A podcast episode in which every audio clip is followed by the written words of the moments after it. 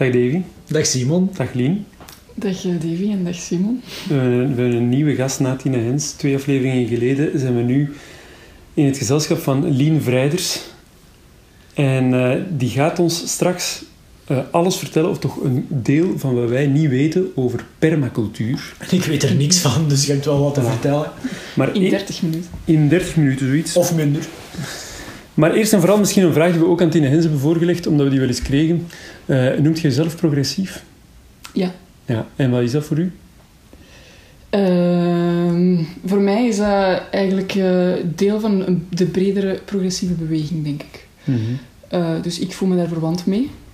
Ik ben zelf, als ik mij verder moet definiëren, vooral ecologisch en, en sociaal geëngageerd. Mm -hmm. Dus dat zijn ja, twee poten die voor mij heel belangrijk zijn.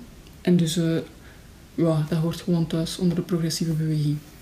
Okay, ik kan daar eigenlijk heel lang, en je kunt daar heel veel over filosoferen, ja. maar dan denk ik dat we op den duur ook weinig nog over permacultuur uh, Nee, nee, inderdaad. Dat was ook vorige keer onze conclusie van...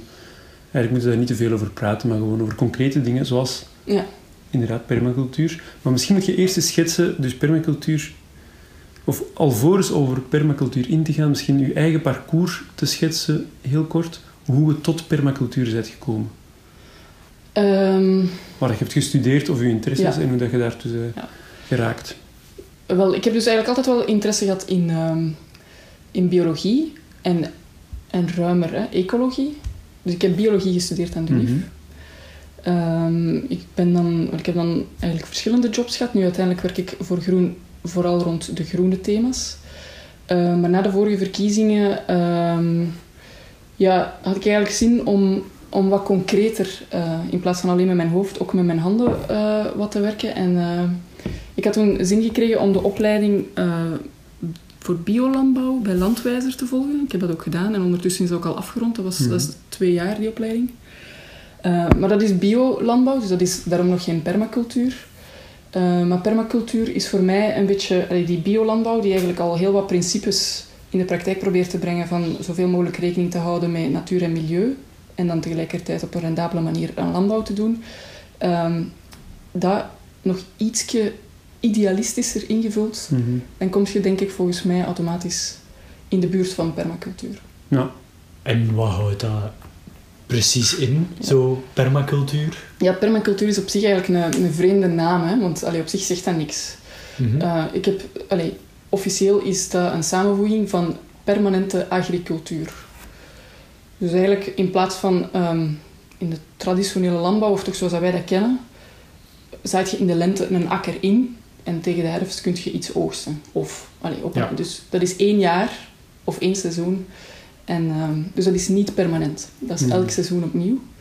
En die ja, permanente agricultuur is eigenlijk meer een soort ecosysteem, een landbouw-ecosysteem dat je dan bouwt, dat voedsel eh, voortbrengt, maar dat dus veel ja, diverser is en waar dat dus ook veel meer meerjarige gewassen zoals bomen en struiken en, eh, en andere meerjarige planten ook een plaats in krijgen. En dan heb je die eenjarige gewasjes die wij vooral kennen als groenten, die, die kunnen daar natuurlijk ook een plaats in vinden. Maar allee, voor mij heeft permacultuur vooral te maken met energie, met hoe dat je omgaat met energie bij het produceren van voedsel. Ook tegen, dus dat heeft heel veel voordelen en, die, en het heeft vooral voordelen op vlak van energie Ja, wel of eigenlijk... andere. Wacht, want mis- misschien zijn we het nu een beetje complex aan het maken. Ehm, dus permacultuur gaat ook ja, over... Eigenlijk is dat een, een ontwerpsysteem. Want het is niet een manier van aan landbouw doen. Dus biolandbouw is een manier van aan landbouw Ja. doen. Dus dat is volgens het lastenboek van bio... En permacultuur is eigenlijk meer, als je een stuk grond hebt, dat je gaat nadenken van... Hoe ga ik dat nu inrichten? Zodat, zodat ik met zo weinig mogelijk energie zoveel mogelijk eh, voedsel kan Mhm. produceren. En heb je daar een voorbeeld van? Want ik neem aan dat bijvoorbeeld bepaalde planten naast andere eh, planten laten groeien, zodat er meer opbrengst Ja. is of meer oogst. Of... Ja, de- daar is eigenlijk heel veel discussie over en er is heel weinig duidelijkheid over, over wat dat daar werkt of wat niet. En eigenlijk is dat iets wat dan maar pas in laatste instantie echt aan bod komt. Waar permacultuur volgens mij over gaat, is bijvoorbeeld als je, als je een stukje grond hebt, dat is dat je eerst kijkt van waar ligt dat, waar kom ik toe bijvoorbeeld. Als ik, als ik daar niet woon, dan kom ik toe meestal eh, met mijn fietsje en ik zet die in daar. Eh, het is dan misschien handig dat daar vlak daarnaast eh, mijn materiaalkot staat. Dat dan in de dichtstbijzijnde buurt van dat materiaalkot, dat daar ehm, de planten groeien, groeien die het meeste zorg nodig hebben. En dat je dan in een tweede zone bijvoorbeeld je fruitbomen gaat zetten. Omdat die, ja, die, die moeten een keer gesnoeid worden en daar, die moeten geplukt worden als de appels rijp zijn.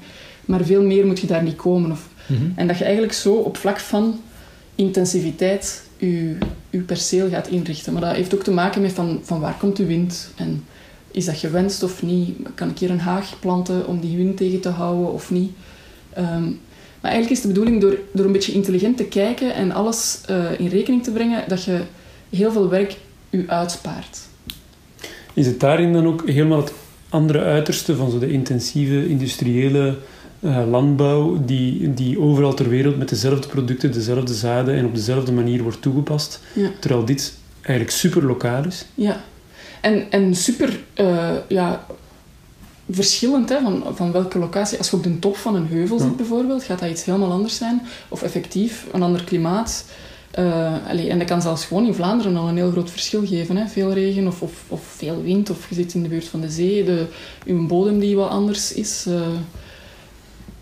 En als je het over energie hebt, gaat het ook over eh, machines, neem Ja. ik aan. Gebruikt te veel machines of Ja. niet? Wel, dus ik heb voor Landwijzer heb ik, een, heb ik een eindwerk geschreven, eigenlijk een eigen bedrijfje dat ik eh, graag ooit zou, zou opstarten. En in dat bedrijfje heb ik, eh, ja, ik werk natuurlijk, natuurlijk met materialen, maar niet met, eh, alleen met werktuigen, maar niet met fossiele brandstoffen. Mhm. Geen een tractor. Geen een tractor. Maar wel op elektriciteit dan, of niet? Ehm, eigenlijk ook niet. Ah, ja. Eigenlijk ook niet. Nee. Maar er is, allee, er is bijvoorbeeld een heel toffe ehm, permacultuurboerderij, zo noemen ze zich, in, eh, in Normandië, in Frankrijk. Eh, dat is eigenlijk ook een heel leuk verhaal, want dat was een, dat was een koppel die, die hadden eigenlijk alle twee al een carrière gehad elders. De ene was een succesvolle advocaat, de andere die heeft met, met jongeren de wereld afgereisd in een zeilboot. En eh, die hebben dan elkaar leren kennen, die wilden dan op het platteland gaan wonen en het rustiger aan gaan doen. Eh, maar dan dachten ze van, oh, laten we hier een bioboerderij starten. Maar die waren eigenlijk alle twee nog nooit op een bioboerderij geweest. Dus die wisten eigenlijk niet eh, hoe gaat dat eigenlijk in zijn werk. Die hadden wel een moestuintje gehad. En die zijn eigenlijk op diezelfde manier als dat ze hun moestuin ja, organiseerden, zo hebben die dat dan een beetje op grote schaal proberen ehm, ja, een boerderij op te starten. Die zijn heel hard met hun kop tegen de muur gelopen. Dus de eerste jaren hebben die niet veel groente verkocht of, of echt heel veel verlies geleden. Dat is dus gelukkig al wat geld gespaard uit hun vorige, vorig leven. Mhm. Uh, maar het leuke daarvan is dat die eigenlijk heel veel dingen hebben vastgesteld die die bioboeren, die allemaal elkaar nadoen, namelijk die kopen allemaal een tractor, dus die werken allemaal op beddekjes van een meter en een half spoorbreedte, die zaaien hun sla met zoveel uh, centimeters tussen, zodat ze daarna mechanisch kunnen schoffelen. Maar dat maakt eigenlijk dat je, ja, dat je gewoon ook niet, niet meer creatief kunt zijn op een andere manier. Mhm. Dus Ja. zij wisten niks en daardoor zijn Ja. die, hebben die veel nieuwe ideeën Ja. kunnen ontwikkelen. En zij planten dus bijvoorbeeld ook heel veel groenten door elkaar. Dus niet, Hm. niet allemaal sla op één beddeke, maar die zaaien bijvoorbeeld, ehm, die zaaien eigenlijk wortelen en radijzen op dezelfde moment. En wortelen, dat, is, eh, dat kiemt heel traag. Dus dat heeft twee weken nodig soms. Afhankelijk als het heel nat is, duurt dat maar een week. Maar radij- radijzen die zijn heel snel. En die, die groeien ook heel snel, dus je kunt die ook snel oogsten. Dus die radijzen die maken direct veel blad, waardoor dat, dat bed dichtgroeit. Waardoor dat er dus heel weinig onkruid kan kiemen. Op het moment dat je radijzen Mhm. oogst, zijn je wortelplantjes eigenlijk goed gestart. En dan krijgen die ruimte om verder te groeien. En eigenlijk in één beweging, en die hebben daar ook zo een zaaimachientje van ontworpen, die op 6 centimeter eh, breedte al die dingen zaaien. En in twee bewegingen eh, ja, hebben die een heel bed gezaaid. En allee, da- daar spaar je dus heel veel energie mee uit. En je hebt daar geen tractor voor nodig. Integendeel, een tractor zou eigenlijk een handicap zijn op zo'n boerderij. Maar jij zit er ook al stage gaan lopen hè, in die Normandische Ja, ik ben er een week, ik heb een week een opleiding gevolgd voor, eh, ja, voor professionele boeren is dat dan. Ik mocht daar aan meedoen omdat ik dan die landwijzeropleiding gevolgd heb, maar eigenlijk ben ik nog geen professionele boer. Maar dat was wel heel interessant, ja.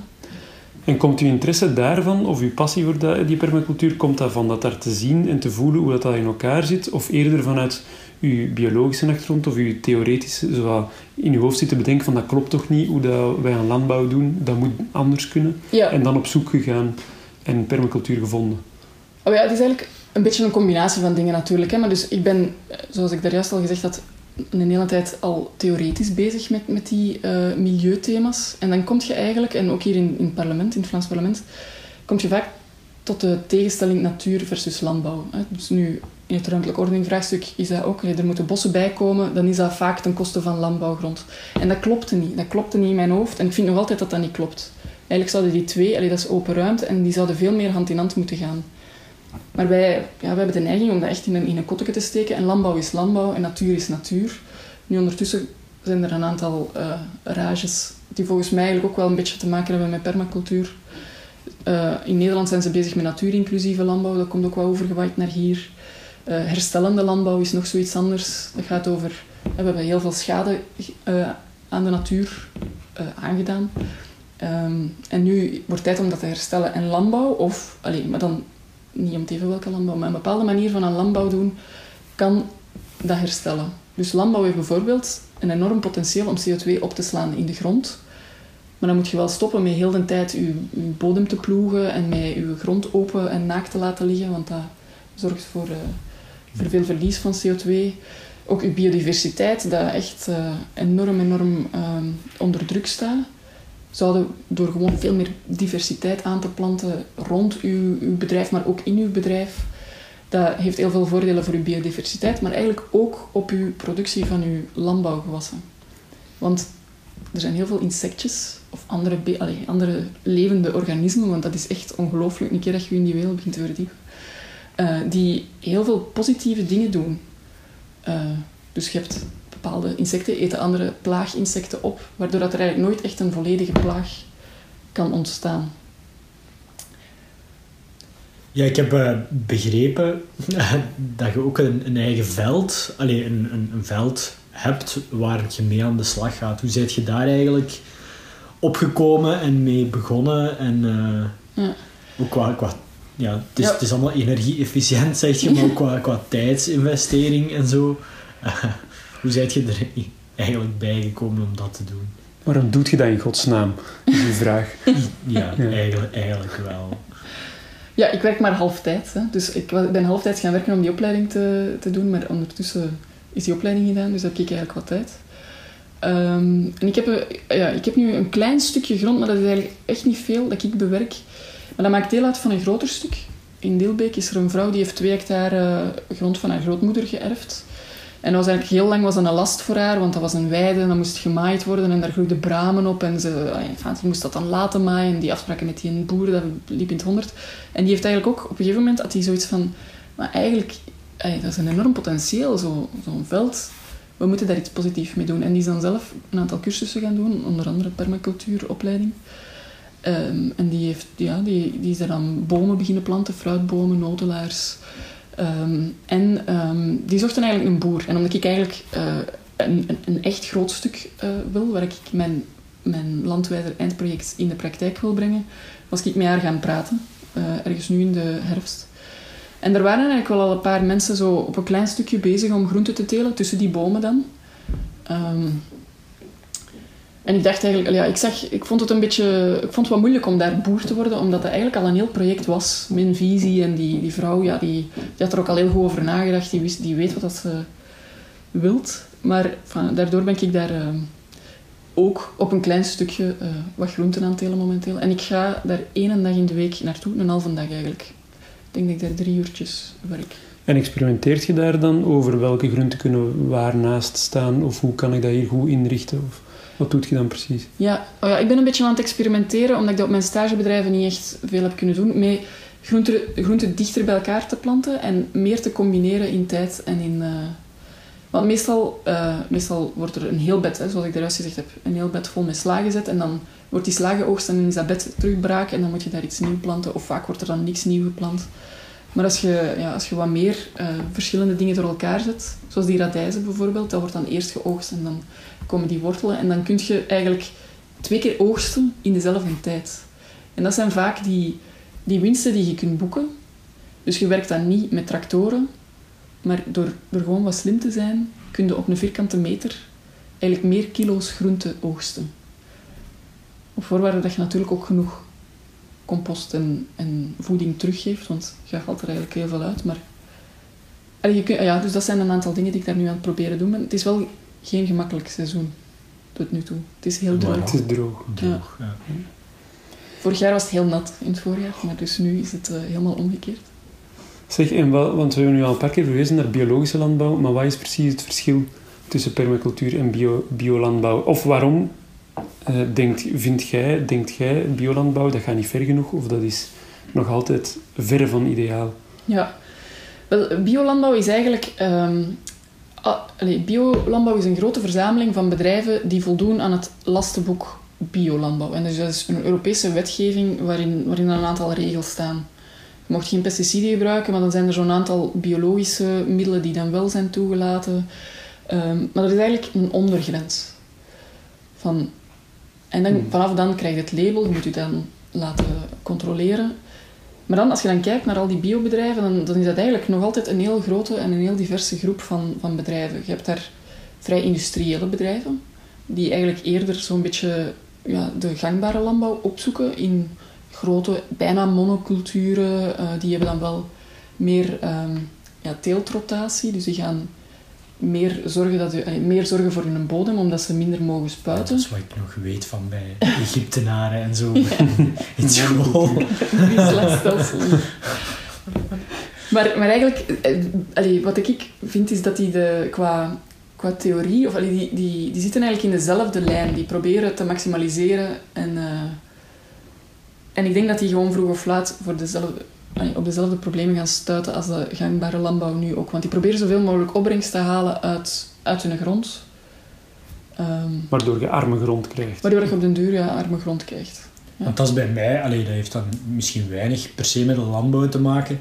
Maar ik vind dat zelf iets heel raar. Dat, ehm, en ik heb niks tegen de winkel. Een van mijn beste vrienden werkt er, maar dat er zo een supermarkt met, met, met bioproducten bestaat. Dat is zo, zoiets als, als de, de Bioplanet.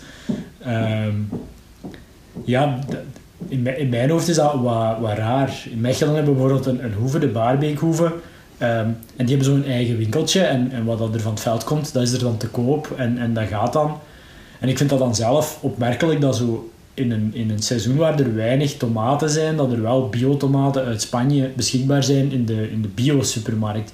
Ze kosten dan stukken van mensen, wat ik eigenlijk wel goed vind. Hè. De- de- er zijn er weinig, of, of ze komen van ver en we betalen er dan ook voor. Niet een beetje gelijk zo avocado's aan een halve euro. Mhm. Ehm, maar ik vind dat zelf iets, iets heel vreemd. Zo, de, de- die bio- en supermarkt, dat, dat, in mijn hoofd rijmt dat niet per se. En eh, eh, ik heb, denk dat ik nog altijd niet goed begrepen heb wat dat dan niet goed rijmt, juist. Is het dus Ja dat, supermarkt er, echt? ja, dat er echt zo'n supermarkt is en dat er eigenlijk ja, heel veel mensen daar kunnen gaan. Terwijl als je zaterdags naar de barbecuehoeve gaat en, en je gaat om drie uur, ja, de goede dingen zijn weg. En dat lijkt mij logisch. Ah, ja. En zo het feit dat er... Allee, niet dat er één bioplanet is, maar dat er zo kei veel zijn. Ehm, en ook buiten het seizoen dat je bio-versies kunt vinden van, van iets wat eigenlijk op dat moment niet lokaal groeit. Ja. Ik vind dat zelf... Ik ben er nu niet heel hard mee bezig, maar wel met koken. dat is zo mijn insteek meer. Hashtag Davy kookt. Eh, maar ehm, ja, ik, ik geloof bijvoorbeeld zelf iets meer in, in, in dat lokale. En, en, en dat lijkt... Allee, ik ga bijvoorbeeld naar Indolijs omdat dat gewoon dichter bij mij Ja. thuis is. Want ik doe alles te voet. Ehm, en eh, ik, ik geloof eerder in kijken waar staat België op het labeltje en, en iets minder naar dan het bio-labeltje. Als er dan keuze is, dan, dan ga Ja. ik nog wel kiezen. Maar als je dan ziet waar dat bijvoorbeeld bio-spullen vandaan komen, ja, dan vind ik dat ja, ik zelf al wat raar dat, dat je daarvoor per Ja. se zou kiezen. Maar ik heb nu wel van de week een artikel gelezen op de New York Times dat het beter is om bijvoorbeeld een avocado uit Argentinië te eten dan om een stuk vlees te eten dat lokaal gekweekt is, omdat dat dan qua CO2-uitstoot voor het klimaat eigenlijk beter is, maar ook alle twee niet even goed als een tomaat van twee kilometer verder. Ehm, maar ja, zo die dingen, ja, dat, dat houdt mij dan als, als ja, consument, maar dat is dan minder de, de, de boerenkant, ook wel wat bezig. Nee, nee, maar dat is eigenlijk ook wel... Dat is, allee, dat is eigenlijk... Dat is, dat is ook een heel belangrijk vraagstuk. Hoe, hoe verkoop je dan die duurzame producten? Want eigenlijk... Ja, ik, ik was er bezig over, over een biobedrijf dat eigenlijk een beetje de, de kantjes van, van het gangbare opzoekt. En je zou dat misschien eigenlijk kunnen zeggen over een bioplanet ook. Dat is eigenlijk gewoon een traditionele supermarkt, maar die dan eh, ja, alleen maar bioproducten gaat, gaat verkopen. Maar die spelen bijvoorbeeld op dezelfde manier op de markt. Die gaan eigenlijk ook wel eh, op zoek naar de laagste prijs. En die zetten bepaalde producenten tegenover elkaar eh, onder druk.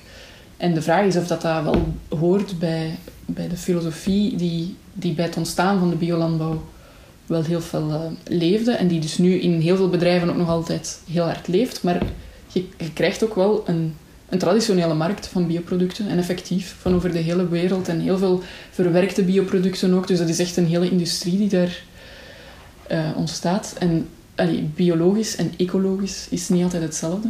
Dus dat gaat dan over uw, uw avocado en uw Ja, of zo van die, van die producten als amandelmelk bijvoorbeeld. Ja. Dat is extreem ja. slecht voor het milieu. Daar gaat dan 200 liter water of zo in voor 1 liter amandelmelk. Wat, dat is echt waanzin.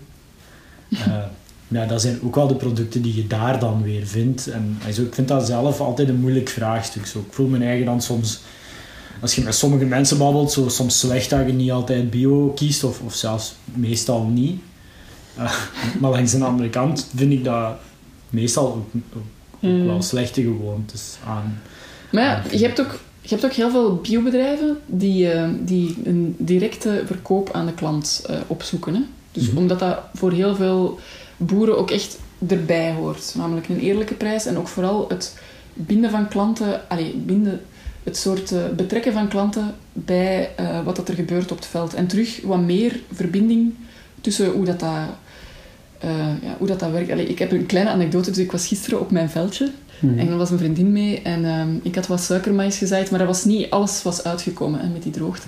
Dus ik had tegen haar gezegd, want ze vroeg wat, wat kan ik doen. Ik zeg, ja, misschien kun je de gaatjes opvullen met, met nieuwe zaadjes. En dus ze doet dat pakje op en zegt, oh, dat is een maiskorrel.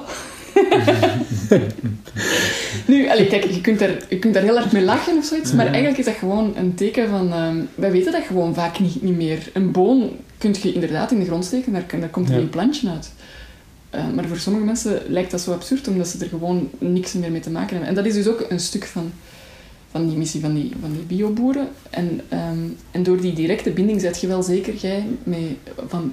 Maak ik nu de juiste keuze? Mm -hmm. Want je koopt dan sowieso uh, seizoensgebonden, je koopt lokaal. En ja, dan zijn er nog, als je af en toe nog eens zin hebt in een avocado, ja, dan ga je wel een nieuwe afweging moeten maken. Waar ga ik hem kopen? En gaat het mm -hmm. een bio zijn of niet? Of, of heb ik hem wel nodig? Ja. Je kunt het hebben over wat kiezen consumenten en wat, doen, wat kiezen boeren zelf. Maar dat is natuurlijk, we zouden geen progressief zijn als we niet zouden zeggen, er is de, de overheid uh, creëert een heel kader waarin bepaalde dingen worden gestimuleerd en andere dingen niet. En jij, daar heb je ook in je, in uw uh, thesis, of hoe heet dat? Ja, eindwerk. Uw eindwerk voor, uh, voor uh, Landwijzer mee bezig gehouden. Um, alleen met te bekijken van eigenlijk, je hebt er iets over verteld, misschien moeten we dat nog eens doen. over, over het feit dat het gewoon helemaal niet makkelijk is om geen grote investeringen te doen in machines.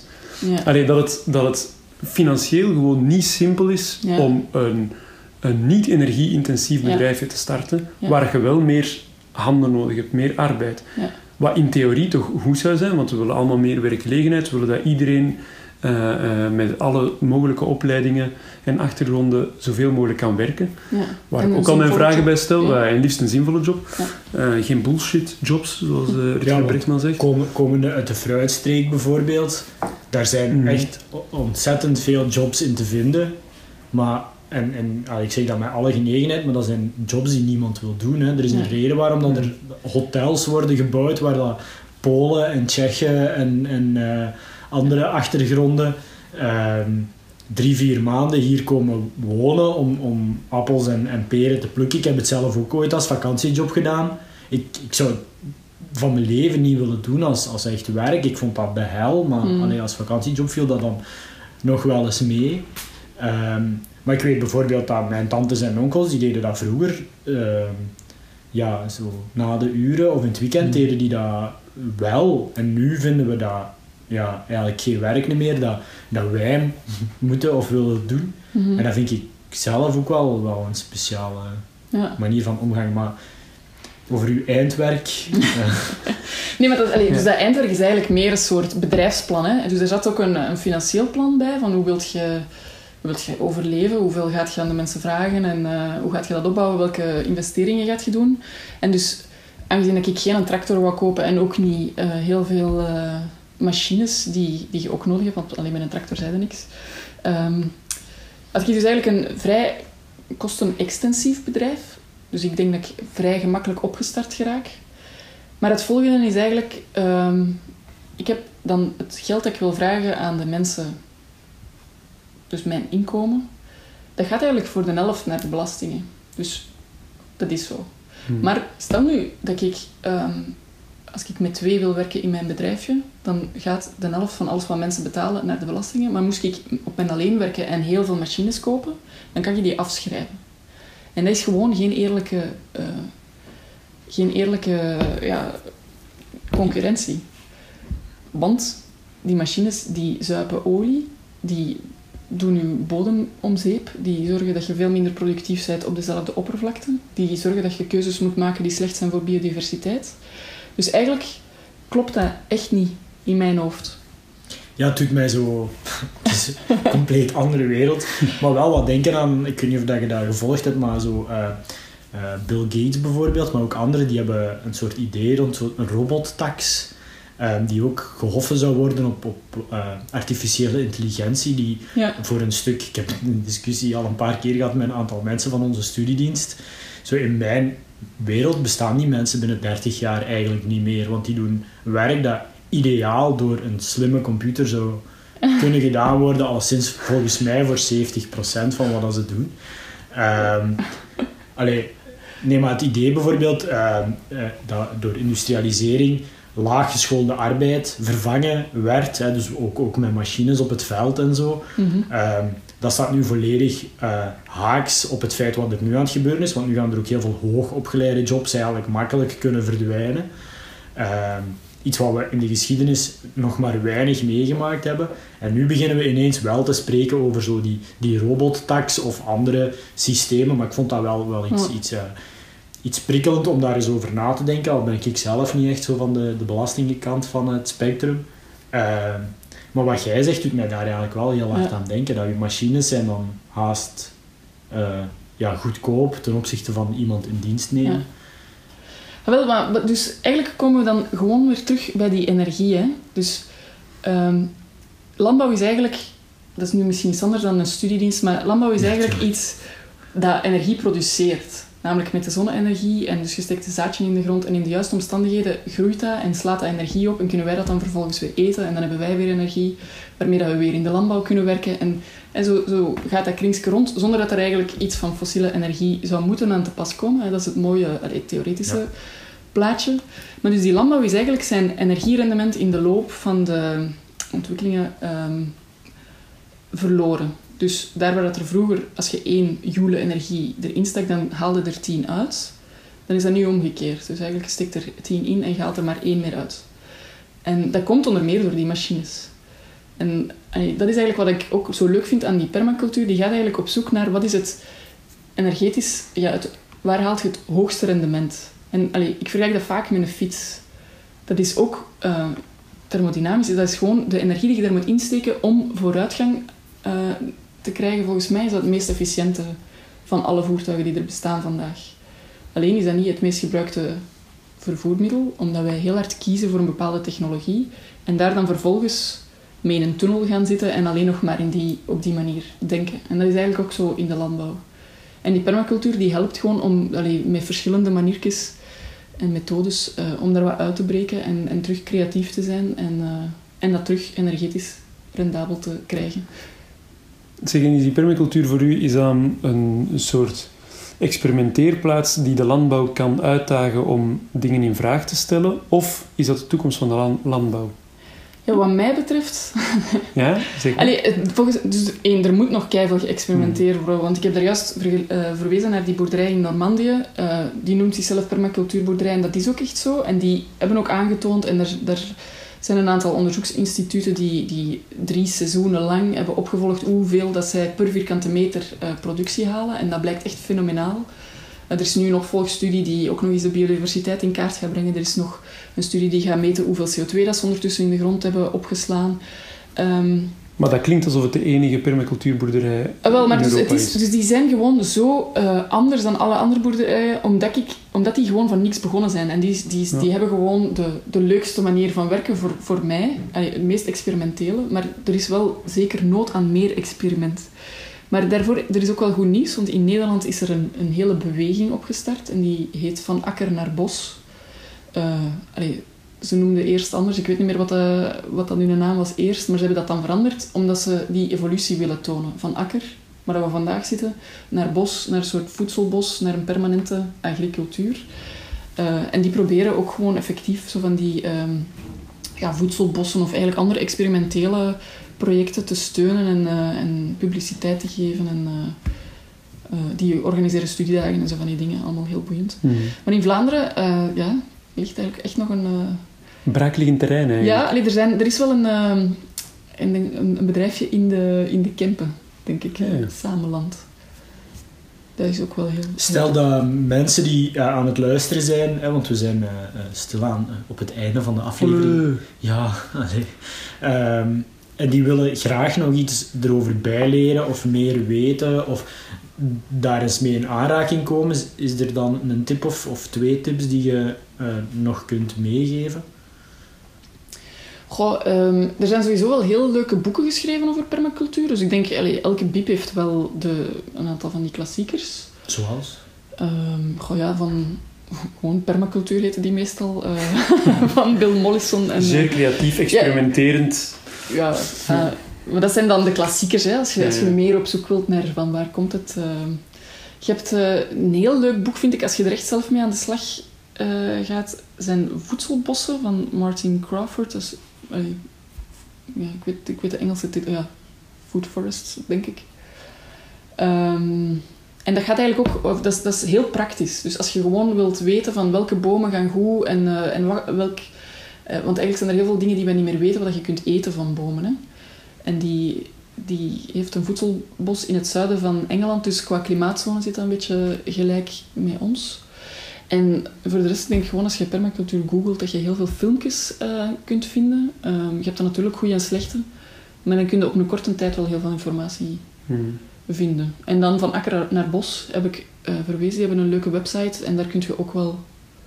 Van akker naar bos.nl is dat dan. Ja. Eh, misschien kun je ook reclame maken voor de eerste week van augustus, als je daar zin in hebt. Ah ja, ja. Eh, ja, maar dat is een ander... Dat Oh, heeft ja, niet heeft- rechtstreeks te maken met permacultuur, maar, Maar wel met landbouw. agro-ecologie. Ja. Dus eh, deze zomer... eh, ja, Aardeberg is een organisatie rond ecologische filosofie en politiek. En die organiseert altijd een zomerweek. En deze, week, deze zomer gaat het over eh, GGO, patatten, landbouwwetenschap en politiek. En ehm, ik en nog drie andere dames gaan dat begeleiden. Dus het gaat eigenlijk... We vertrekken van de, de aardappel, GGO-aardappelactie in Wetteren in 2011. Ik weet niet of dat nog veel mensen zich dat herinneren, maar voor mij was dat in ieder geval wel een vrij heftige eh, actie, waar gesproken werd over geweld en waar eigenlijk heel veel vragen naar, naar boven kwamen van eh, wat is wetenschap, wat is technologie, wat is vooruitgang, waar willen we naartoe. En eh, ja, nu vijf jaar later willen we dat eens op ons gemak bekijken en daar wat meer op inzoomen. Dat is ook altijd voor mensen die, die daar graag wat dieper op ingaan, want het is echt wel de bedoeling om er, wat, om er een hele week over bezig te zijn. Is dat ook wel een leuke tip. Zalig. Bedankt, Lien. Graag gedaan. Heb jij nog een bedenking, Simon? Ja, superveel eigenlijk. Zoals bijvoorbeeld dat, dat er wordt zo vaak gezegd, dat was niet de bedoeling dat ik echt antwoordde, Davy, ik weet het wel, maar ik ga toch doorgaan. Dat is zo met retorische Ja. vragen en Simon. Ja, je mocht geen retorische vragen stellen. Ehm, eh, nee, wat, wat, eh, de kritiek die je vaak hoort eh, bij, eh, tegenover groene linky winkies en zo, is ja, maar jullie willen terug naar het stenen tijdperk. Eh, waarin we allemaal in de bossen zitten en, en vruchten plukken en, eh, en vooral waarin er niks van cultuur of beschaving is.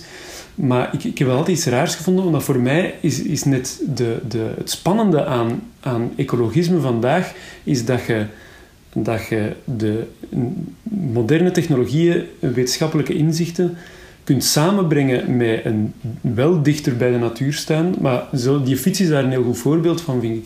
Je hebt, je hebt eh, eh, top-of-the-notch eh, technologie nodig om de beste, meest aerodynamische en energie-efficiënte fiets te maken. Maar dat kan. En dan kun je zonder verdere fossiele brandstoffen of zo kunt je gaan fietsen. En permacultuur, daar was ik er net aan aan het denken, een tijdje. Want permacultuur lijkt me ook zoiets te zijn, waar je, waar je wel misschien geen, geen machines, maar kleine... eh, Ja, ja. Heel makkelijk, met- zelfs met 3D-printers of zo, van die, van die kleine eh, toestellen kunt maken die je met, gewoon met de hand kunt gebruiken, maar die perfect geschikt zijn voor je permacultuur en waar dat zo het beste samengaat van, van vandaag en gisteren. Exact. Lien, kunnen de mensen die aan het luisteren zijn u ergens online vinden? Eh, Twitter of zo? Of een Ja, ik zit op Twitter, maar ik kom er eigenlijk bijna nooit meer. Dus eh, nee. ik heb wel een e-mailadres. Waar ze mij kunnen mailen, maar bon, dat is dan... eh, Ideaal. Simon, waar kunnen de mensen u vinden? Ja, op Twitter. Want ik zit meer op Twitter dan op een veld. En dat is eh apenstaart Simon Horsten. Ik ben eh at dbuntings overal, ook op Instagram. Ehm, deze podcast kun je vinden op uh, simonendavy.show.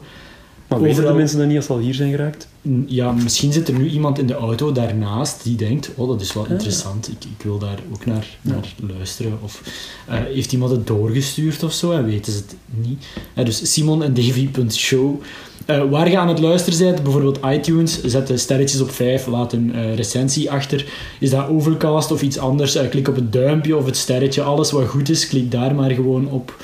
Ehm, als je niet tevreden bent of je hebt eh, reacties, dan kun je die sturen naar reactie.simonendavy.show.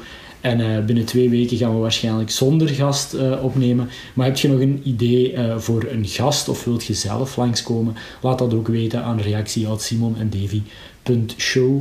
Ehm Provisoire titel Simon en Davy. ja, provisoir. Show. Ehm, en bijvoorbeeld mensen uit, uit stad Eppegem, bijvoorbeeld, die, die klachten hebben, die mogen dat altijd eh, laten weten aan eppegem.simonendavy.show. Eh en graag tot de volgende keer. Dag!